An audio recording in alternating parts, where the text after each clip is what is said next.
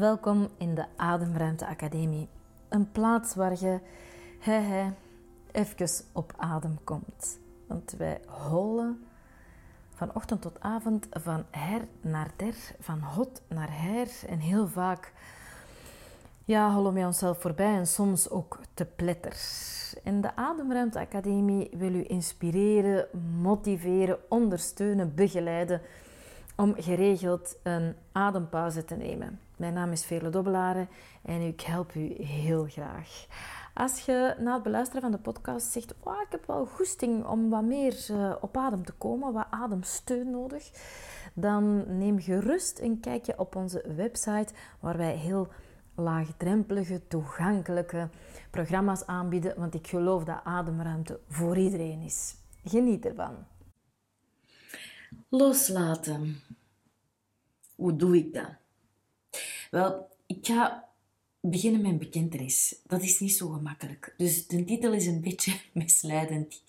Sorry, als je denkt, ja, ik ga nu 1, 2, 3 te weten komen hoe dat, dat moet. Mm, ja, ik ga u wat suggesties geven. Um, maar wat heel belangrijk is, is dat dat een proces is van loslaten. Dat is niet gemakkelijk, dat is niet, want mensen zeggen dat. En daarom maak ik een podcast over. Al dat het los. Allee, ja, je moet het loslaten. Het is toch beter als je het loslaat. Allee, laat dat dan nu eindelijk eens los. Oh, heb je dat nog altijd niet losgelaten? Dan denk je, ja, er moet iets mis zijn met mij, want iedereen spreekt maar over loslaten, maar ik weet niet hoe dat je dat doet. Wel, dat is helemaal normaal ik weet ook niet hoe dat je dat zomaar even doet, loslaten.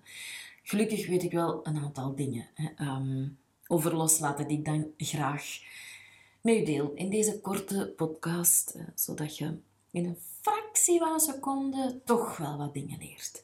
Maar met weinig moeite en weinig tijd, want dat vinden we bij de Ademruimte Academie belangrijk, om dat laagdrempelig te maken. Dus loslaten.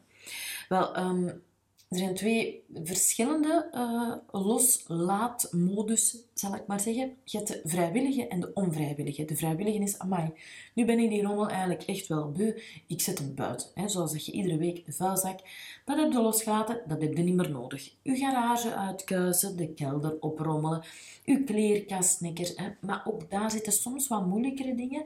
Zo kleding waar je van denkt, oh ja, daar zitten toch herinneringen aan. Dat droeg ik toen dat had ik dan aan herinneringen aan de man of vrouw die je, die je op een moment waard. Soms heeft dat te maken met gewicht, soms met leeftijd. Dat kan ik nu toch niet meer dragen, daar ben ik te oud voor.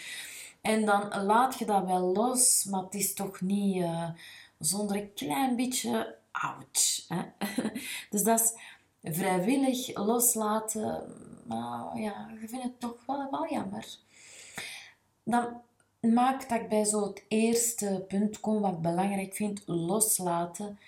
De dingen bij voelen.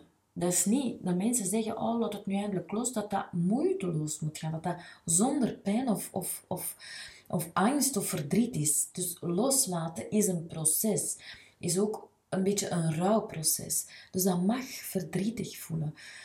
Je mag daar bang van worden hoe stom ook, hè, dat kleedje dat je altijd gedragen hebt, dat je van je 16 jaar met je spaarcenten gekocht had met bloemetjes op en je zo deed volwassen voelen, dat je lang hebt kunnen dragen en nu de laatste jaren elke keer hoopte dat je weer hè, uh, zoveel kilo minder zult zijn en, en dat je dat dan toch nog, dat je erin kunt. Dat kleedje, dat hangde nu buiten of dat geefde weg. En ja, dat is een stukje een rouwproces, want die vrouw zijt je niet meer. Ik geef nu het voorbeeld van een kleedje, maar dat gaat over vele dingen. Dus onvrijwillig, um, vrijwillig bedoel ik, hè, um, van werk veranderen, verhuizen. Um, maar ook onvrijwillig je dingen moeten loslaten. Je lief maakt het uit, je wordt bestolen, iemand die sterft. En ook gedachten, oh ik kan het niet, het zal, weer niet lukken, het is weer typisch iets voor mij. Dat zijn dingen die je soms vasthoudt en je eigenlijk liever wilt loslaten. Je wilt dat wel, maar dat is heel moeilijk. Dus, wat ik al gezegd heb, één, Dat mag moeilijk zijn, daar mogen bang, angstig, verdrietig, boos van worden. En nummer twee dat ik wil meegeven is, zie eens, als je tenen loslaat, wat je dan vastpakt. Want het is heel moeilijk om een kleedje, om bij het voorbeeld van het kleedje te blijven, buiten te zetten als je je kast open doet en er hangt niks nieuws in. Want dan loopt je naakt door het leven. En dat is niet alleen koud, maar ook redelijk raar en onfatsoenlijk. dus welke gedachte of welk iets, ding wilde loslaten en wat pakte daarvoor vast? Welke nieuwe kleren, om in die metafoor te blijven, uh, schaft u aan? Welke gedachte zette in de plaats van ik kan het niet? Misschien is dat een gedachte als andere mensen het kunnen, dan zal ik het best ook wel kunnen. Of ik, heb toch al eens iets soortgelijks gedaan, of dat lukte ook wel. Of ik kan wel loslaten, want zie je, ik heb dat kleedje aan buiten gezet. Of ik heb daar en daar al afscheid van genomen. Dus ik kan dat wel. Dat is moeilijk en dat mag nu, ehm, maar ik kan het wel.